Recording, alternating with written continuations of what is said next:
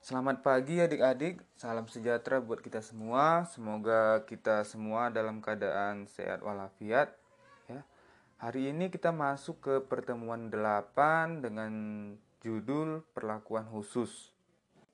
Ya, perlakuan khusus ini perlu dilakukan untuk beberapa jenis tanaman sayur ya. Jadi dalam budidaya tanaman sayur ada jenis tanaman sayur terutama dari famili Umbelliferaceae atau Cruciferaceae yang memerlukan perlakuan khusus agar dapat mengalami pembungaan seperti itu akan dapat berbunga lebih cepat dibandingkan tidak diberikan perlakuan khusus ya. Jadi perlakuan khusus yang akan kita coba diskusikan hari ini ada tentang fernalisasi, fotoperiodisme dan vegetables forcing ya. Nah, langsung saja ke slide 3 ini sebenarnya fernalisasi itu adalah proses pemaparan biji ya berkecambah atau tanaman pada suhu rendah. Itu suhunya berkisar 0 sampai 5 derajat Celcius. Jadi ketika kita ingin memberikan perlakuan fernalisasi ini ada rentang suhu yang harus diperhatikan karena memang spesifiknya adalah fernalisasi ini melakukan paparan suhu rendah terhadap biji berkecambah atau tanaman seperti itu. Nah, perlakuan suhu ini bisa berlangsung cukup lama ya. Semakin tinggi suhunya, maka dia akan semakin lama. Biasa bisa beberapa minggu hingga beberapa bulan seperti itu. Jadi semakin rendah suhunya akan semakin singkat untuk pemaparan suhu seperti itu.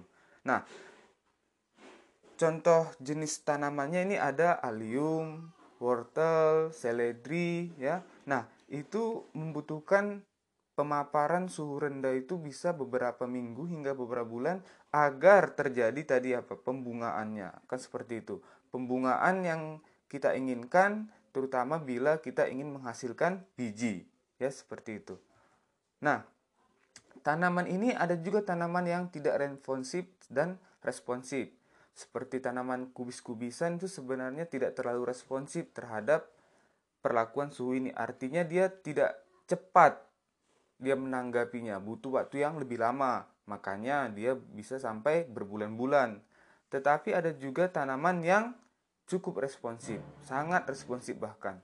Dia langsung terinduksi misalnya lobak atau sawi, kan seperti itu. Nah, bila nanti tanaman kita ini tidak mendapatkan suhu yang rendah untuk pembungaannya, maka dia akan menjadi inilah yang kemarin kita bahas minggu lalu, fenomena bolting, kan seperti itu. Jadi dia berada di luar suhu optimumnya, seperti itu. Nah, ketika bolting terjadi, pembungaan lebih cepat terjadi, Apabila dia jenis tanamannya adalah determinate, maka pertumbuhan vegetatifnya kemungkinan besar akan terhambat sehingga tidak bisa mendukung pertumbuhan dari si tanaman tadi, ya. Nah, selain itu juga ketika kita memberikan suhu yang rendah misalnya nih si tanaman A, dia butuh suhu rendah sekitar 4 minggu, ya. Lalu kita berikan itu masih sekitar 3 minggu Nah, ketika tiga minggu itu dia suhunya berada di 0 hingga 5 derajat. Tapi ketika minggu keempat, suhunya naik 10 derajat Celcius, dia akan bisa balik lagi. Ya, balik lagi apa? Balik lagi seperti tidak mengalami fernalisasi, sehingga dia tidak dapat berbunga kembali seperti itu. Nah, fenomena yang seperti ini dinamakan devernalization. Jadi dia sudah kita berikan pun fernalisasi, tetapi dalam jangka waktu yang belum cukup dan suhunya cukup meningkat, maka dia bisa kembali lagi mengalami devernalisasi sehingga dia tidak akan berbunga seperti itu. Ya, jadi ketika kita ingin memberikan fernalisasi bagi setiap tanaman, kita harus melihat dulu, mengecek, mencari referensi, bertanya seperti itu, bertanya yang sudah kepada berpengalaman, ya. Kira-kira setiap jenis tanaman ini sama nggak fernalisasinya? Kemungkinan besar itu berbeda. Karena tadi ada yang responsif, ya ada yang tidak, kan seperti itu. Nah, ternyata selain vernalisasi ya kita masuk ke slide nomor 5 selain vernalisasi untuk memberikan pembungaan ada juga yang mempengaruhi pembungaan itu berdasarkan panjang hari kan seperti itu lamanya penyinaran sinar matahari oke jadi lamanya penyinaran sinar matahari ini nanti akan berpengaruh terhadap pembungaannya tadi kan dia pemaparan suhu dingin seperti itu nah ini dia pemaparan sinar matahari, panjangnya sinar matahari, lamanya sinar matahari pada suatu daerah untuk memapari suatu tanaman. Nah, ini dikenal dengan fotoperiodisme seperti itu. Jadi ini dibilang namanya day length, kan seperti itu. Merupakan lamanya penyinaran dari matahari terbit hingga terbenam. Terbit hingga terbenam, ya. Jadi itulah yang disebut dengan panjang harinya kapan jam berapa matahari terbit dan jam berapa matahari terbenam. Nah, perbedaan lamanya penyinaran matahari ini umumnya disebabkan oleh perbedaan wilayah. Wilayah apa? Wilayah yang mendekati garis ekuator atau kalau dibilang itu adalah garis katulistiwa. Seperti itu. Garis katulistiwa inilah yang membedakan antara satu daerah dengan daerah lain mendapatkan lamanya penyinaran. Untuk daerah kutub misalnya, lama penyinaran itu bisa sampai ada yang bagiannya itu 24 jam. 24 jam menjadi matahari terus, sinar matahari terus. Di kutub yang lain dia malah 24 jam gelap, gelap terus seperti itu. Antara kutub selatan ya, kutub utara seperti itu. Jadi dia memang semakin dekat dengan garis ekuator dia akan semakin panjang penyinaran mataharinya seperti itu ya. Nah, kalau dia mata tanaman yang berbunga bila jumlah matahari jumlah penyinarannya itu ya sedang-sedang saja dia itu masuk ke tanaman hari netra. Jadi dia ada yang jenis tanamannya tidak membutuhkan ya yang panjang ataupun yang pendek. Nah, panjang atau pendek ini tergantung dari jumlah jamnya. Biasanya sih 12 jam di bawah 12 jam dia pendek, di atas 12 jam dia itu panjang seperti itu. Jadi 12 jam itu tergolong netral, ya. Nah, kita masuk ke slide nomor 6. Ini kira-kira contoh tanaman yang memiliki reaksi fotoperiodisme untuk berbunga bagi tanaman sayur ya. Tanaman hari pendek misalnya. Ini ada contohnya amaranthus itu adalah bayam lalu ada ubi jalar ya kacang panjang kacang hijau bisa dilihat ya. Lalu tanaman hari netral nah ada mentimun ya. Mentimun masuk ke tanaman hari netral berbunganya ya. Tapi nanti mungkin ekspresinya ekspresi dari kelamin jantan bisa berbeda atau kelamin betina. Tanaman hari panjang itu juga ada bayam bedanya amaranthus dengan bayam ini kalau kita lihat adalah bayam itu untuk yang konsumsi amaranthus itu jenis bayam lain seperti itu itu bayam yang tidak dikonsumsi tapi bisa ber diproduksi untuk obat. Jadi dia sama-sama bayam tapi dari jenis yang berbeda. Oke. Lalu itu ada hari panjang, wortel, alium itu adalah bawang, kan? Lalu yang terakhir ada kentang. Jadi memang tanaman-tanaman ini yang umumnya memiliki hari panjang seperti kentang. Berarti kentang itu apa? Untuk menyimpan umbi, menyimpan cadangan makanannya. Jadi harus lebih lama dia fase gelap dibandingkan fase terang seperti eh maaf lebih lama di fase terang dibandingkan fase gelap seperti itu ya itu kalau tanaman hari panjang nah ini lebih jelas contohnya ini ya di slide nomor 7 jadi situ ada fase kritis ya fase kritis dari setiap jenis tanaman ya fase kritisnya itu ada di tengah-tengah seperti itu ya fase kritis jadi kalau kita bilang tanaman hari pendek itu adalah tanaman yang membutuhkan sinar matahari lebih sedikit dibandingkan tanaman hari panjang. Itu sederhananya. Kita lihat tuh ya sebelah kanan behavior of short day plants ya. Jadi ketika lebih panjang bagian putihnya lebih banyak ya, bagian putihnya artinya lebih panjang penyinarannya, maka dia hanya leaf production, hanya memproduksi daun vegetatif kan seperti itu. Di bawahnya ya ketika lebih banyak ya fase gelapnya kan seperti itu. Fase gelapnya lebih banyak, maka melewati fase kritis itu kan ada critical day, dia akan berbunga kan seperti itu. Jadi harus lebih banyak suatu masa apakah dia itu lama penyinarannya atau fase gelapnya terhadap fase kritisnya, maka dia akan berbunga seperti itu. Kalau semakin pendek, dia akan tidak berbunga. Itu dia untuk behavior of short plant day. Nah, kebalikannya behavior of long plant day. Ketika dia sebenarnya si tanaman ini membutuhkan hari panjang lebih banyak, nah dia akan berbunga dari fase kritisnya. Kita lihat di bawahnya. Ketika dia ternyata dipaparkan pada hari gelap yang lebih panjang dari fase kritisnya, dia hanya akan menghasilkan leaf production, hanya menghasilkan daun seperti hanya vegetatif saja. Nah, ini tergantung pengetahuan ini penting untuk kita ketahui tergantung dari kita mau mau yang pertama itu adalah menghasilkan apa? Apakah biji? Kalau biji berarti harus berbunga seperti itu.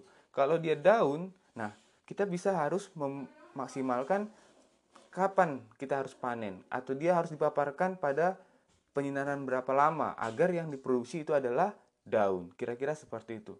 Supaya hasil yang kita dapat itu nantinya maksimal? Seperti itu ya. Nah, sebagai contoh ini adalah tanaman untuk hari pendek dan hari panjang itu contohnya kecipir ya. Nah, kecipir ini dia fase kritisnya adalah 11 jam. Jadi, di, bila kita menanam di bawah 11 jam sinar mataharinya, dia akan berbunga. Karena dia masuk ke tanaman berhari pendek, kan seperti itu. Jadi kalau kita menanam kecipir itu ketika matahari itu tidak sampai 11 jam, maka dia akan cepat berbunga walaupun dia masih kecil, masih berhelai daun lima seperti itu. Akibatnya apa? Maka bunga buah yang dihasilkan itu jadi rendah karena apa? Pertumbuhan vegetatifnya tidak mendukung untuk menghasilkan buah yang banyak. Tapi kalau sebaliknya, bila kita menanam setelah fase kritisnya penyinarannya 11 jam, ya, di atas 11 jam, maka dia akan berbunga lebih lama.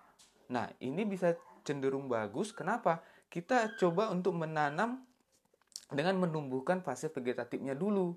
Agar apa? Agar fase vegetatifnya mendukung untuk membentuk buah. Fase vegetatifnya itu kan pemanjangan akar, pelebaran daun, pertinggian batang agar mencapai sinar matahari yang maksimum. Kan seperti itu. Jadi kita perlu mengetahui kira-kira ini fase kritis dari setiap jenis tanaman itu berapa. Kan seperti itu. Sehingga kita bisa memberikan perlakuan untuk mendapatkan hasil yang kita inginkan. Nah, di slide 8 kita juga bisa melihat bahwa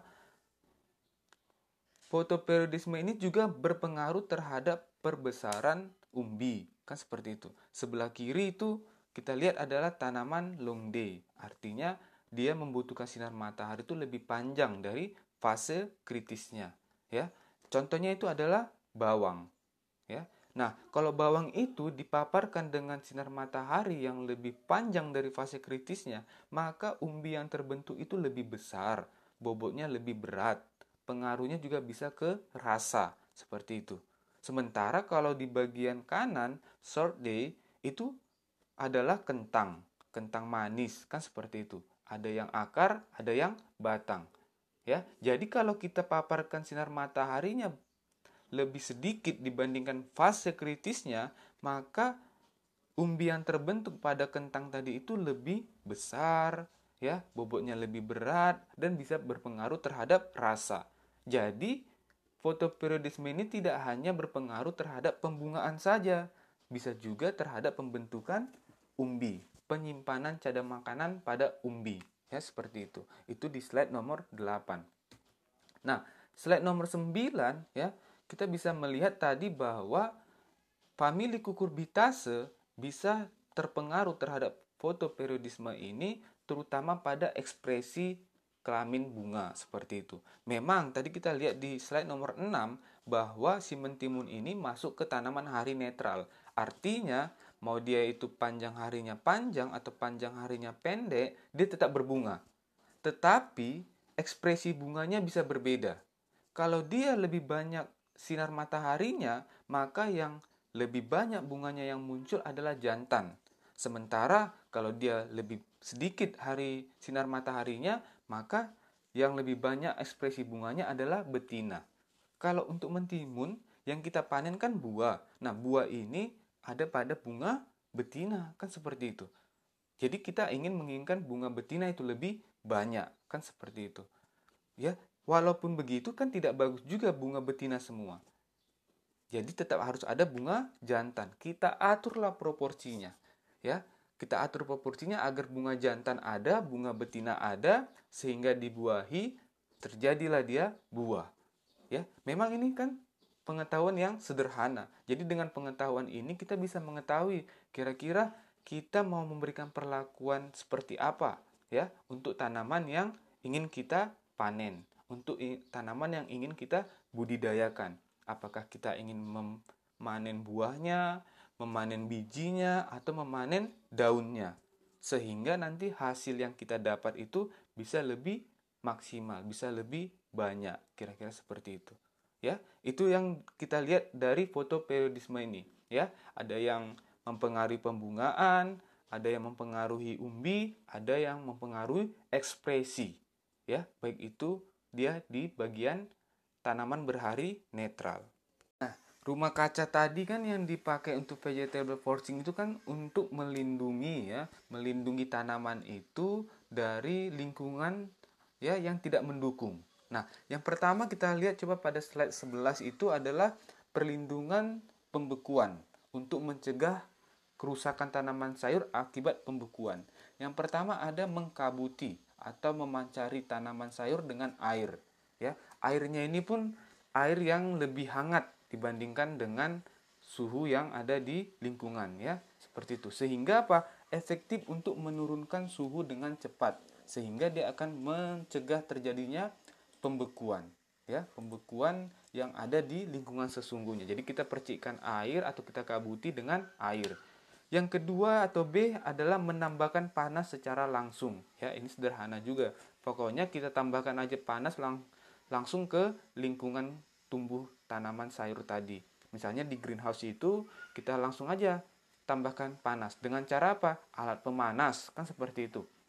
Atau mencampurkan udara panas ya seperti itu jadi ada alat pemanas, penghangat ruangan, ya kita hidupkan kan seperti itu. Jadi udara panas tadi itu kita transfer ke greenhouse kita.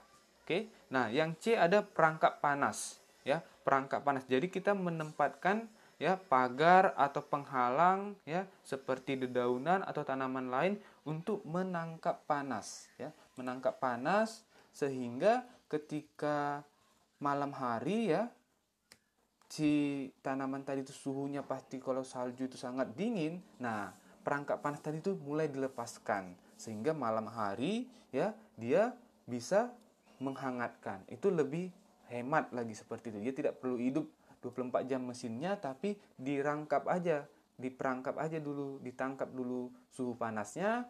Nanti ketika dingin ya pada malam hari ter, pasti suhunya sangat ekstrim ya, maka dikeluarkanlah dia untuk menghangatkan bagian akar kah? Pokoknya ruangannya agar lebih hangat seperti itu. Lalu yang ke D itu adalah sungkup atau tudung panas ya sungkup atau tudung panas. Nah sungkup atau tudung panas ini ya kita bisa lihat ya di bagian pembibitan ya terutama bunga ya mereka akan membuat sungkup-sungkup plastik kecil ya. Itu untuk menahan sebenarnya radiasi kan seperti itu ya kita jadi dia ini pengaruh seperti rumah kaca mini ya. Sungkup atau tudung panas ya. Jadi dia tudungnya udah panas ya seperti itu. Sungkupnya dia panas ya. Karena tadi dia mencegah dari pembukuan, berarti sungkup yang kita gunakan itu yang panas seperti itu ya. Jadi dia memang berfungsi untuk menghangatkan. Kalau kita kan yang di pembibitan biasa ya yang kita lihat di pembibitan-pembibitan di tempat kita magang misalnya itu kan suhunya intinya sungkup itu untuk mengurangi transpirasi nah kalau ini sungkupnya atau tudung panas ini untuk memberi kehangatan seperti itu. Lalu yang E ya ada lorong plastik kan seperti itu. Lorong plastik ini seperti di lahan. Jadi membuat lorong yang terbuat dari plastik. Plastiknya itu bisa ya etilen kan seperti itu ya ditopang oleh bambu, kayu atau kawat ya. Pokoknya dia untuk menghindari tadi yang namanya pembekuan ya, pembekuan oleh suhu yang ekstrim dingin. Lalu yang ke berikutnya ada kerangka panas ya seperti itu. Kerangka dingin dan panas ya. Kerangka ini mirip seperti bangunan semi permanen ya. Bisa dari kayu, bisa dari bambu, bisa dari beton ya. Atapnya itu bisa kaca atau plastik kan seperti itu. Sehingga apa? Untuk meningkatkan sinar matahari, panasnya itu. Panasnya itu kan dapat meningkatkan suhu udara. Ya, jadi sehingga kerangka panas tadi itu dapat membuat pupuk kandang yang sedang diberikan itu mengalami dekomposisi. Ya, seperti itu. Jadi atau bisa juga membuat pipa pemanas di bawah permukaan tanah atau bagian kawat listrik. Pokoknya dia itu udah pakai kerangka lah. Jadi ketika musim panas kita coba buat kerangka dingin, ketika musim dingin kerangka panas seperti itu. Ya, jadi itu bisa kita modifikasi. Lalu yang ke berikutnya yang terakhir itu adalah bahan anti beku, ya. Bahan anti beku ini terutama di bagian tanah, ya. Jadi tanah yang beku kan dia tidak bagus ya untuk mendukung perkecambahan karena itu kan aerasinya juga tidak baik ya sama kemungkinan besar ada bibit penyakit. Karena dia kan lembab ya bibit penyakitnya lebih tinggi. Jadi kita pakai bahan anti beku ini misalnya gipsun dan vermiculit untuk menutup biji ya. Sehingga apa? Sehingga nanti bisa berkecambah lah biji tadi itu seperti itu ya. Artinya apa? Si tan pelindung yang kita berikan tadi itu menahan udara panas eh, udara dingin tadi itu dia memberikan kehangatan untuk si benihnya agar suhunya terjaga lalu dia akan berkecambah. Ya, seperti itu. Ya, jadi yang kedua itu kita lihat adalah penghalang angin dari barisan pelindung. Jadi tanaman sayur kita itu kita kelilingi dengan barisan pelindung yang dapat menghalangi kerasnya angin, ya. Karena kerasnya angin itu dapat merusak tanaman sayur secara fisik kan seperti itu tanaman pelindung yang bisa kita gunakan itu bisa berupa semak, ya bisa berupa pohon seperti itu ya kira-kira. Yang penting dia lebih tinggi dibandingkan tanaman sayur kita.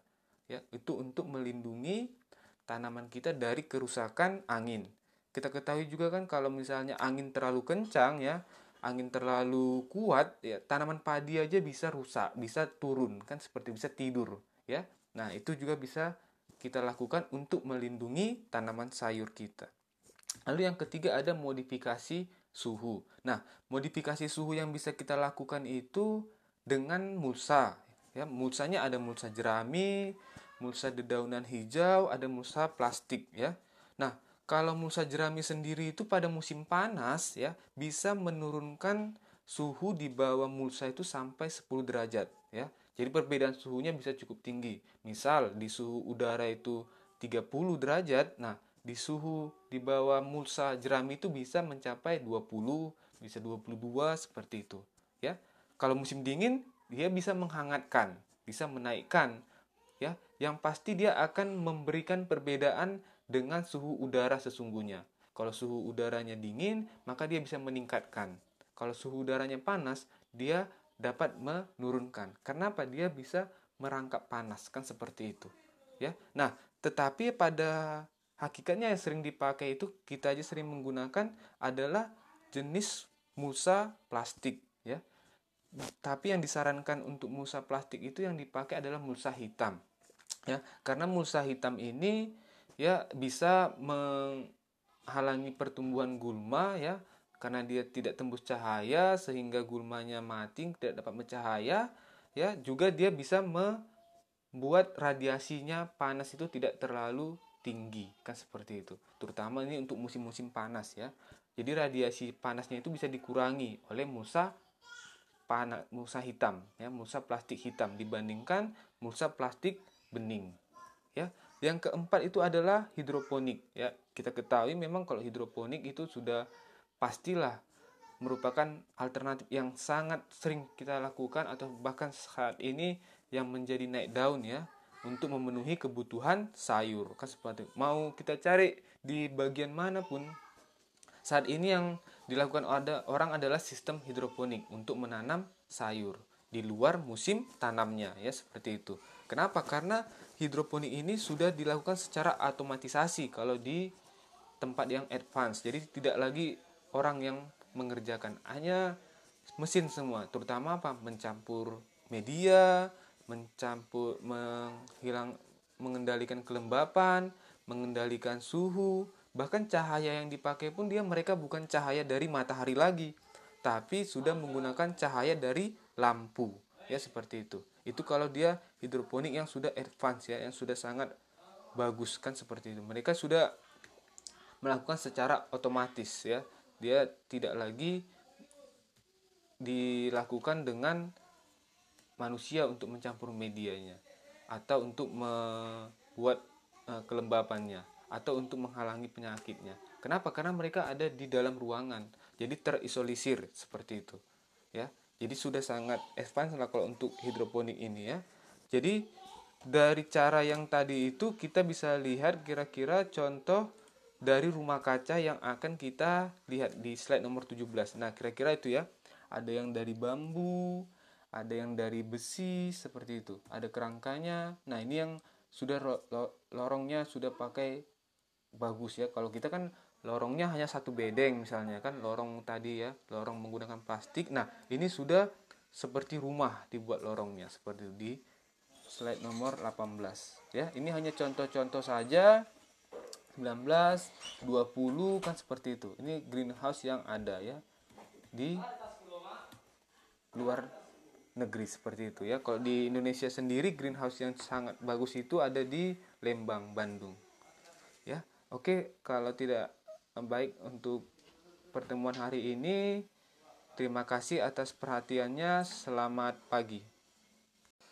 Hmm, oke, adik-adik, selamat pagi untuk kuis kita hari ini. Yang pertama itu coba kamu jelaskan sistem produksi tanaman berdasarkan tujuan dan caranya.